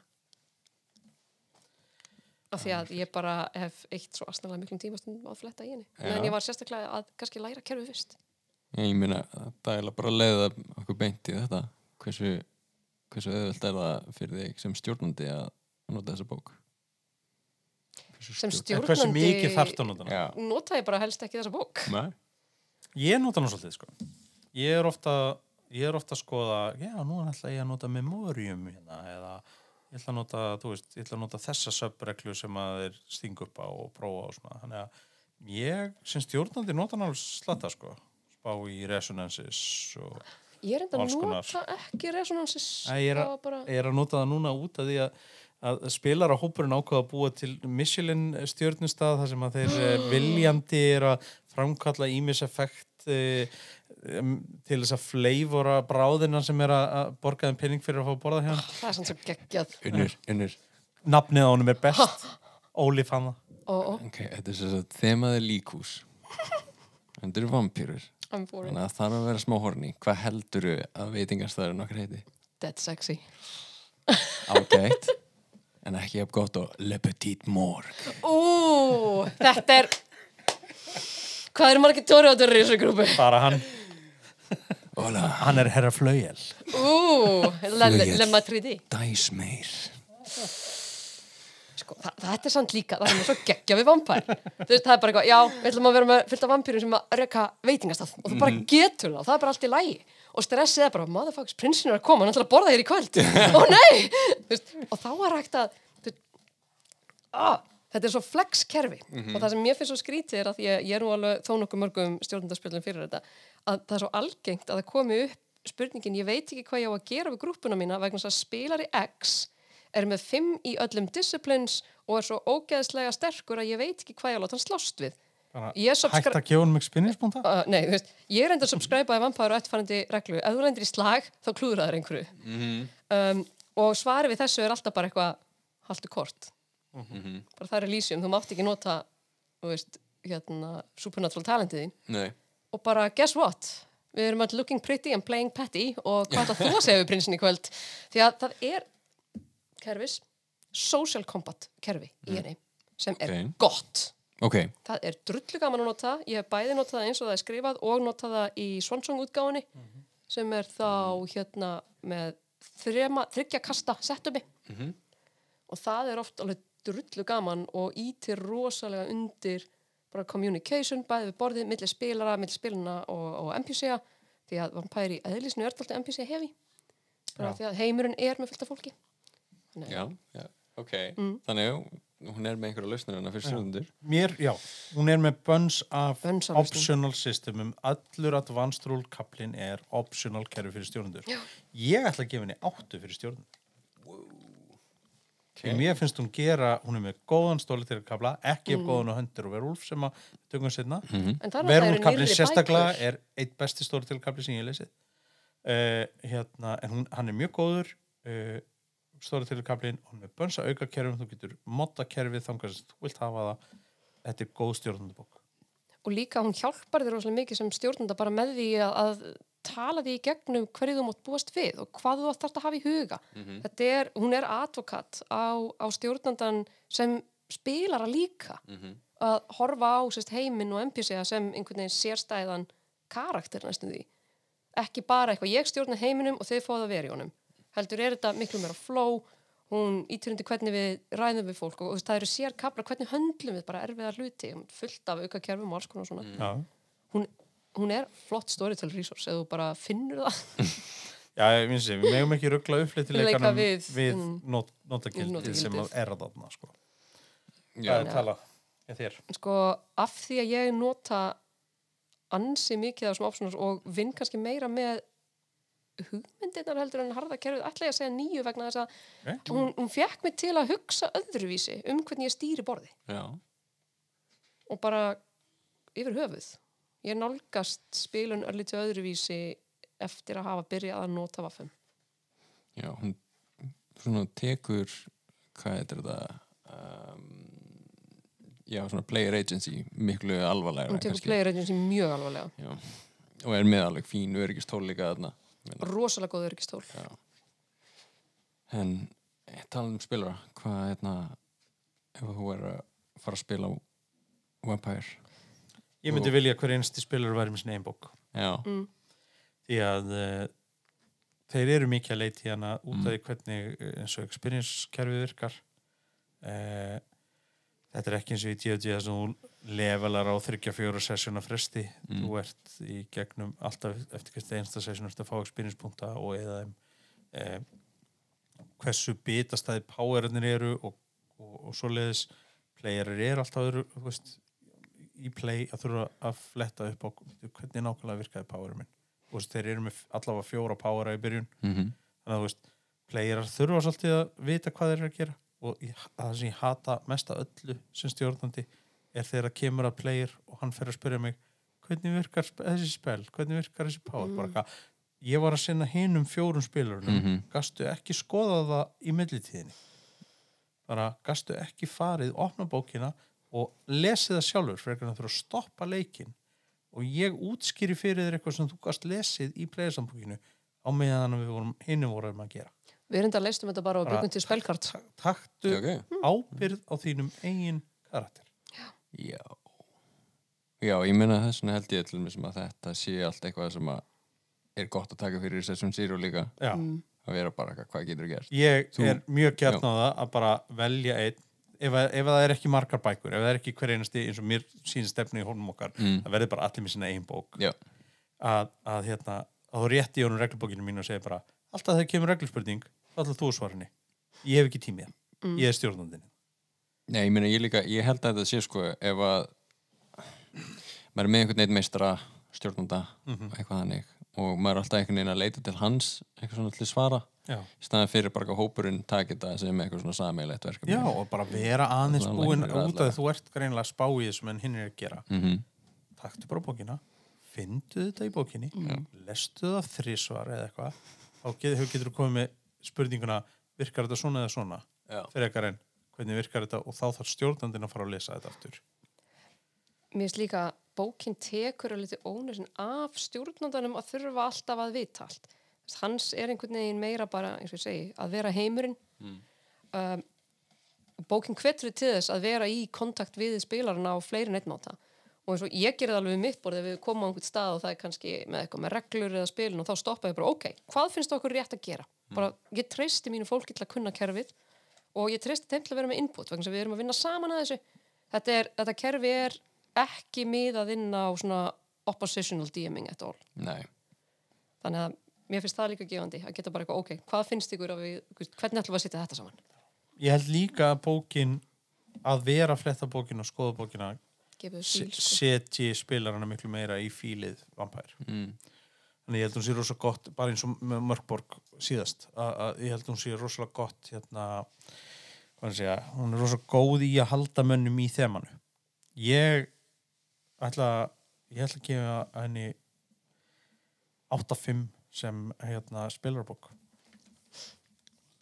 og, og, og, og hérna alveg horfi alveg fram hjá uppletið partinum á því þá í leiðinni sko. Mm.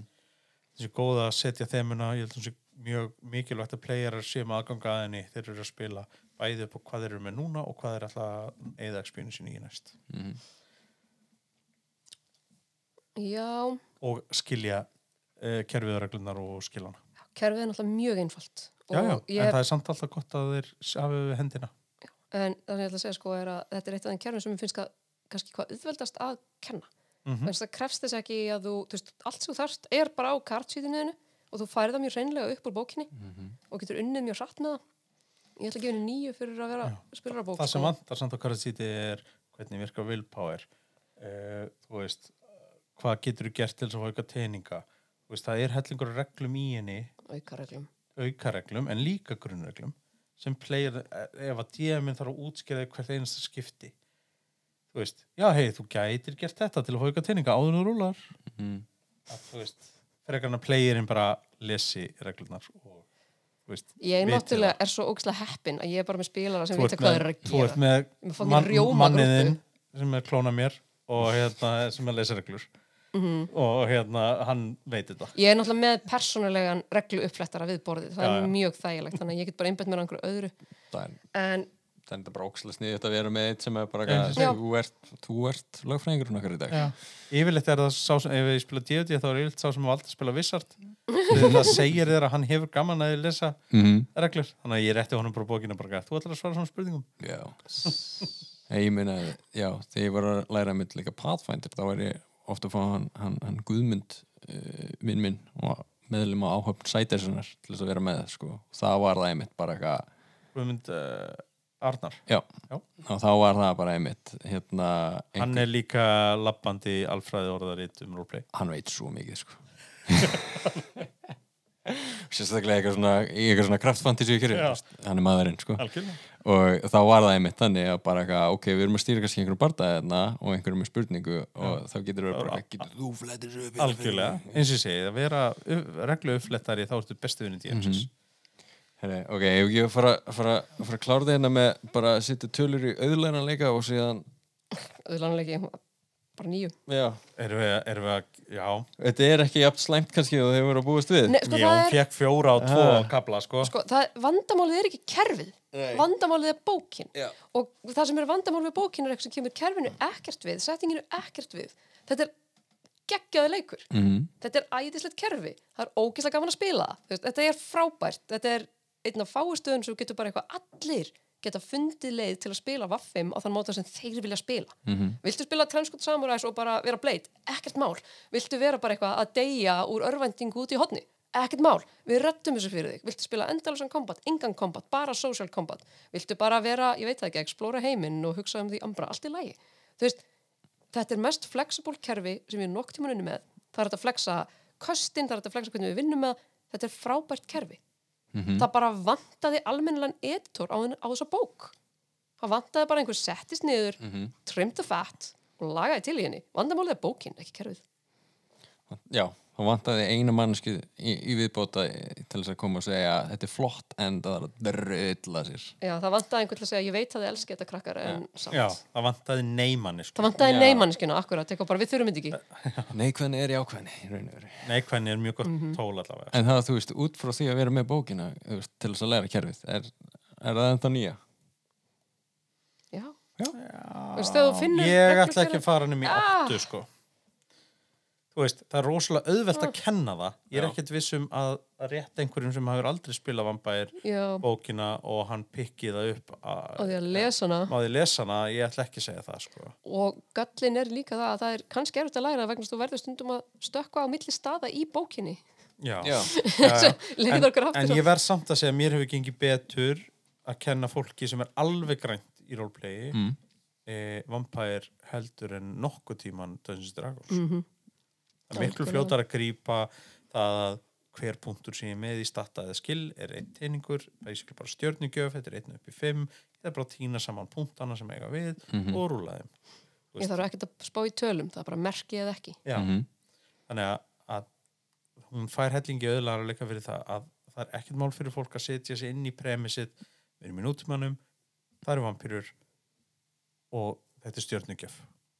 Þetta er teiningar tjarnarkerfi eins og þósteinn mm. segir Já. miklu auðveldur að kenna þeim grunnkerfið heldur það er rúlaður reflex yfir hvað, er þetta að tala um? Mm Bara, ertu proficient í þessu? Ég veit það ekki hvað, hvað á ég að leggja við þetta? Ég meina, mér finnst það líka alveg vera vel sett upp þetta með, með tinningatjörnuna sko er að ok, fyrir hann flögjel Já, sem ætlar að reyna að reyna að bara forðast allan Er, ertu búin að skrifa nýja ræðu fyrir kvöldið? Nei, ég er að fara að gera það eftir það er ógislega gaman hann, að hann skrifa stoppaði leikinn og, ræður og, og tók live Mhm. fyrir framann leikarana og tónlistamennina þarna og endaði að fá uppklapp sko. sko, ég er alveg fórið, það er líka þetta er ógislega dramatist kerfi og Já. það er ógislega gaman ég, ég skrifa monologa alveg út í eitt sko Já, þetta er ógislega gaman ég er með freaking voice actor sem ég hef notað að búa til klippur fyrir liðið af því að þetta er bara dramatísku leikur og hann krefst Já, já. þess að þú þetta. svolítið stemninguna sko. setja stemminguna á- talandi um það, við erum að fara að tala um eitt faktor er það ekki? Ok, ég, ég ætlaði bara að koma með sko er að einmitt eitthvað svona teiningatjörnum dæmi í þessu þú veist, það er alveg koma með pælingar um þetta eins og mér langar ekki að lenda í slag sem flögil Nei, nákvæmlega en þeir eru með til dæmis hérna uh, eitthvað you try to distract the bodyguard with your left hand while surreptitiously slipping your knife into your belt. Roll dexterity subterfuge. Og það er ég bara, já, já, já, ok, ok, ok. Flögileg fucking góður í því Já, sko. já, já, en það er með þetta, þú veist roll dexterity subterfuge. Mhm. og það er það sem er svo gaman við þetta kerfi þetta er eins og, ég hef stundin gert það spilarinn er komin í eitthvað herbyggi og það er bara ok það ætla að skoða herbyggið, segi mér hvað það ætla að gera. Já, og einn ætla kannski að nota einmitt karisma og ég veit ekki, svo aftur fjútslega reyna einhvern veginn að g- gabba eitthvað upp úr fólki. Einn ætla bara að fara að investigera þetta algjörlega með að horfa einhver ætla að pæla í body language þetta eru allt mismunandi samsett köst. Þau eru alltaf að gera sama hlutin, þau eru alltaf að leita að upplýsingum. Þau fá öll mismunandi upplýsingar. Já, kerfið er flex. Já. Og við höfum stundum hleyið mikið að því bara eins og hva, hverju kostu við til þess að gera hitt eða þetta og Þannig, ég, ég var að kenna þetta kerfi bara í gær ekki vampæri heldur hundar sem Mm. er alltaf sama kerfi. Mm, og menn, voru, semst, menn sem höfðu fengið að spila vampær og voru að fara í gennum karakterkrisinu fyrir skipti samt, þau voru búið til handikarakter Mm. og það, ég, ég var alveg að negla inn í það bara eitthvað. Ef að ykkur finnst aðrir, annar dæspól passa heldur en svo sem ég nefni bara rökræða við mig. Mm bara hvernig vilt þú nota stamina pluss krafts til að, að, að gera það sem þú ætti að gera? Ef þú getur útskilt það fyrir mér, ekkert mál. Ok. Þannig, ok, með bókinni hvað gefur þú í auðlananleika? ég sagði átta, var það ekki? já, ok. Þannig að og þá er það að lókum eitt faktor. Við erum ógeðslega hlutræk mm vangjöð hlutræk það er ógeðslega erfitt vegna þess að það er ekki hægt að horfa á vaffim sem eina bók. -hmm. hún er Við erum samt að dæma framhald- þessa bók. ég veit, hún er framhald og áframhald af risastórum multifacituðum söguheimi sem að, þú veist, eins og ég og Helgi höfum þrifist í á vissan máta. Þannig að sko, eitt faktor fyrir þessa bók sjálfa? Shit. Sko, ég er búin að, að pæla í þessu sem við ákvaðum að taka vaffum -hmm. vegna þess að ástar og hattur samband mitt við þessa bók er náttúrulega ótrúlegt. Ég ætla að bomba í nýju ok, og, og hvers vegna? hvers vegna, já, það er svona Segðu. skiptir kannski meira Hún er máli en bara- bara til, talan hún kemur þér algjörlega í hugar ástandi sem þú þarfst að vera Mm. saman, þú veist, jú það kannski dempast aðeins þegar þú þarfst að fara að finna reglunar já, á- mér hraði en Eitt faktor. lúkið á henni þú veist, ég, ég get ennþá bara setið og skoða þessa bók á meðan ég er að horfa á sjónvarpið mm. og fundið eitthvað nýtt og fundið eitthvað, að djöfull er þetta cool. Og eitthvað svona bara, hún er gífurlega hún er gífurlega atmosférik algjörlega. Það eru síður sem hefði mátt missa sín eins og þessar, þessar koncertast síður og svona en heilt yfir þá finnst mér hún neglað hvað vampæra á að vera. Mm. hún gerir það. Og þessar ljósmyndir sko minnst það er æði. Það er, það er mismunandi ljósmyndir held ég fyrir mismunandi klön og minnst til dæmis þessi sem að tókum ventrúmyndinar standa sig alveg fáránlega vel sko sko. það er alveg sem gamle konuna eða ekki? Mm, bæði það, þetta er náttúrulega hefur verið mynd sem er setna nótun sem Fiorenza Savonarola sem að verður prinsinn af Mexikoborg Mhm. en það er líka önnur einhver staðar í, í hérna ég man ekki, í, hvort það er í kótri kaplanum sem hann situr í svona stól. Hann er í, það er hérna í vendrú já, kaplanum líka. er það í vandrugaflanum já, það er bara tveimur blaðsjöfum fyrir en, en þessi en það er, þú veist, geggjuð mynd og hún svona endurspeglar svo, það er endurspeglar svo brjálæslega mikið hvað er verið að reyna að segja þér sko. Og hún er, þó hún sé óþólandi leðallega að segja eitthvað svoleiðis þá er hún svona töff. Þetta fer að detta inn þessi skrýttu bref og, og hérna lýsingarnar á hlutum og þú ert að meina þessa myndina ekki? jú, akkurat þessi mynd. Hvað síður þetta. uh, 98 98 akkurat og ég meina það hlýtur að vera eitt faktor í henni. Ég tók hana upp og ég hef ekki sleppt henni síðan. Mm. sko, við erum búin að við höfum, við höfum ekki flett neittni bók jafn mikið á með við erum að tala Mm í þætti hérna eins og við erum búin að gera það ég klappaði mörkborg rosalega mikið en ég, það þurfti ekki að fletta henni svona mikið. Nei, hún er svo stutt. Já, en hún, vampær krefst þess alltaf þú ert alltaf að vera að taka hann upp og aðeins að skoða eitthvað meira. Að já, ég ætla, ég ætla að segja nýju en eins og ég segi, ég veit líka alveg að ég er bæjast já, fólk verður bara að díla við það, ég gaf fjóra á þann eða tvo fyrir ekki. Ég er alveg búin að vera nógu vond í dag. Já. sko já, eh, meira hvað þið hafið að segja í kringum tölunar en tölunar sjálfar sem að skipta máli. Álit ykkar er uh, mikilvægt og uh, rosa flott uh, hvað haldið það að hún sé að fá í meðaldal ég held að hún endi í Já, 8,2 svoleiðis. það, ég held að hún endi í 8,2 það er ekki svo gott sko. Nei, hún, hún verður í svona 6,8 nei, þetta er Ok, ég var að segja 7,2 og það við svona cirka satt já, já, ok, 7,17 Ok, 7,2 ok. eitthvað já ég fannst að gefa svo marga nýjur að ég var alveg vissum að Já, en ég náttúrulega, ég dróði þetta niður með það, tvisti. Nei, sko, fólk verður bara að læra að hérna, að díla við þessa bók fyrir það sem hún er sem er undur en allt, hún er svo mikið ökla og eira sko. hún er ökla á eira en þú veist, er það bara ekki eitthvað sem einkennir World of Darkness alltaf? jú, jú. Það, hann er stórkastlegur og skellulegur á sama tíma uh, allt sem kemur frá þessu er annarkvort í ökla eða eira Bloodlines, stórkastlegur tölulegur Buggy, fuck Ég, ég, þetta er, þetta er alveg komið orð, þetta er miklu herra en ég hefði, hefði búist við með við bara hvað þið hafi verið að segja sko, ekki bara núna ekkert sem var fimm spilar að elska meira en að dissa upp þessa bók, Já. sko. Man talar opinskátt um það sem maður elskar sko. Já. Það, það er eitthvað raunverulegt og, og sko gallatnir stinga miklu meir í augað mm. þú veist, þegar þú elskar eitthvað heldur en þér er alveg saman það mm þannig að já ég hef alveg eðilagt þessa bók fyrir mönnum sko, sem hafa verið að tá saman við mig með því að benda á gallanina sko. og hérna Já.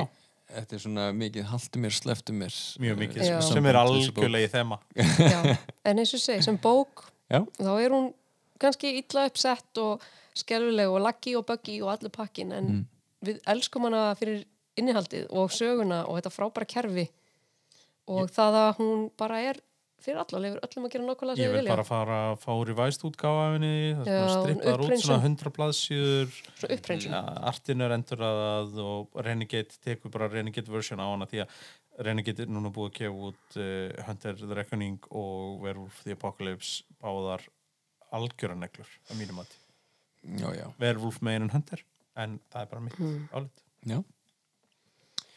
Heru, Ok, þá Ég var að fara að segja þetta gott í dag? Já, Ég ekki búin bara- að tala helviti mikið. Við erum búin að tala svo mikið, jésús Þetta bara, sólin er alveg að fara að setjast. Sólin er alveg, nei, sólin er alveg að fara að koma upp. Já, þetta, ok. Já, ég hef hvert einasta sest, session hjá mér, ég læt Rick Sheffers Theme to Bloodlines í gang segi Soul Sest. Ok, og það er bara þannig er vampær. Ok. Hvað segir þið, viljið plugga eitthvað? Viljum við plugga eitthvað? Já, já.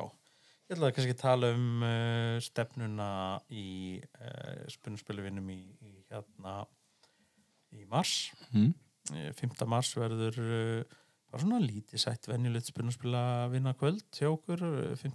3. 5. Uh, en svo 2003. laugadaginn 2003. ætla, ætla ég í samvinnu við hérna hlutkesti að að bjóða upp á uh, fría líka hérna, eða frílík uh, þemakvöld þar sem verða bara frílík kerfi. Mm -hmm. og þar verðum við með auka borð og það verður svona að gera svolítið meir úr þessu. En ef þið eru einhvern tíðan langa að prófa Alien Role Playing Game eða Blade Runner eða eitthvað af því sem að frílík hérna bjóða upp á þá mæli ég eindrið með að uh, hafa augunopinn og, og skrá sér sem fyrst þegar það fyrir loftið. Ég ætla að plugga hérna bóksam halmaþurar Aftur, aftur. Uh, ég held að þessi núna um helgina alveg öruglega, fólk getur fundið þetta á Facebook og Instagram. Þá ætlum við að spila verður sérstaklega sérst, það er hópur hérna sem er bara fyrir kallmenn sem ætlar að hittast og spila semi-spunaspil sem heitir ja, Gilded Karkanet og þið getur fundið þetta, ég held að sé átur lögadegi, þannig að kíkja á bóksam samanfyrir á Facebook og komast að þessu. Svo ætla ég líka að plugga fyrir alla þá sem hafa aldrei þórað Reykjavík by Night, Midnight Sun Vampire the Masquerade V5 larpið koma að hittum við þar og allt indislega fólkið, það eru Otter Sóli og Bryn sem að sjá um þetta þrýr einstakisnillingar og það er held ég svona svo kannski bara þakkir fá The Royals Mm sem er indislega Vaffim grúpan mín ekki Já, ég ætla bara held að sé komið gott og bara þakkum fyrir í dag. Já, ég ætla kannski bara að fá Þú fær líka að plugga, jú, jú. Já. Jú, eigum við svo að ræða hvað við ætlum að tala um næst. Já Ég ætla, ég, ég, ætla, ég ætla að plugga hérna kostunaraðalega þáttsins Já, hvernig verður það? mm. reglubóka uh, klúburinn Jesus Christ, ég er eitthvað off í dag en það er, ég er bara Já, þetta er góð. er ég eitthvað fölur eða, Nei, jú, það er eitthvað, skoða tennundan á þér. Heru, við mælum að sjálfsögðu með þjættu faðamlægi við kostunaraðalega þáttarins Quest Portal sem hefur öll þau stafrænu verkefni sem vaksandi Coterie þarf á að halda að taka við sínu eigin borgaríki uh, En já, hvað Ég segir vona, vona bara núna það sem ég er að kenna þeim World of Dance kerfið þeim félögum að, að þessar bækur kom inn sem fyrst. Já, ég meina ég er búin að setja upp, ég er búin að setja upp flaugjel í, í Quest Portal Já, nákvæmlega. mm. Algjörlega. Í næst ætlum við að halda í uh, vetrabraut langt, langt í burtu og fjalla um uh, Star Wars uh, Edge of the Empire frá Fantasy Flight Games. Þetta er Það verður mjög spennandi Það er mjög Þetta er flott bók Já, Já, og þú, ert, kerfi, mjög þú kerfi ert að skoða henni fyrst getur ekki. e, Ég fletta aðeins í gegnum hana þegar að Já, þegar svona, að- þú veist, lesa lesana. Já, en ég er að lesa hana allu núna Mm -hmm. Svo gerir með allar aðra bækurinn á og það er bara búið að byrja vel og enn ekki orðið fyrir þú veist það er einum stað sem ég er eitthvað svona uh, þetta mætti fyrir betra en samt skiptir einhver máli Nei, nei, Mm. eitthvað svona hannig algjörlega en jú, herði, við ekki að fara að slá botnin í þessu Segðu Jú, það, gerum það. við þakkum allir fyrir árina Beint af og okkur. bara sjáumst það næst Verðum við ekki að enda þetta á frægustu vampíru Íslandinga? Brakúla greifa. Góða nótt, góðir hálsar. Hvar sem sem þið eru.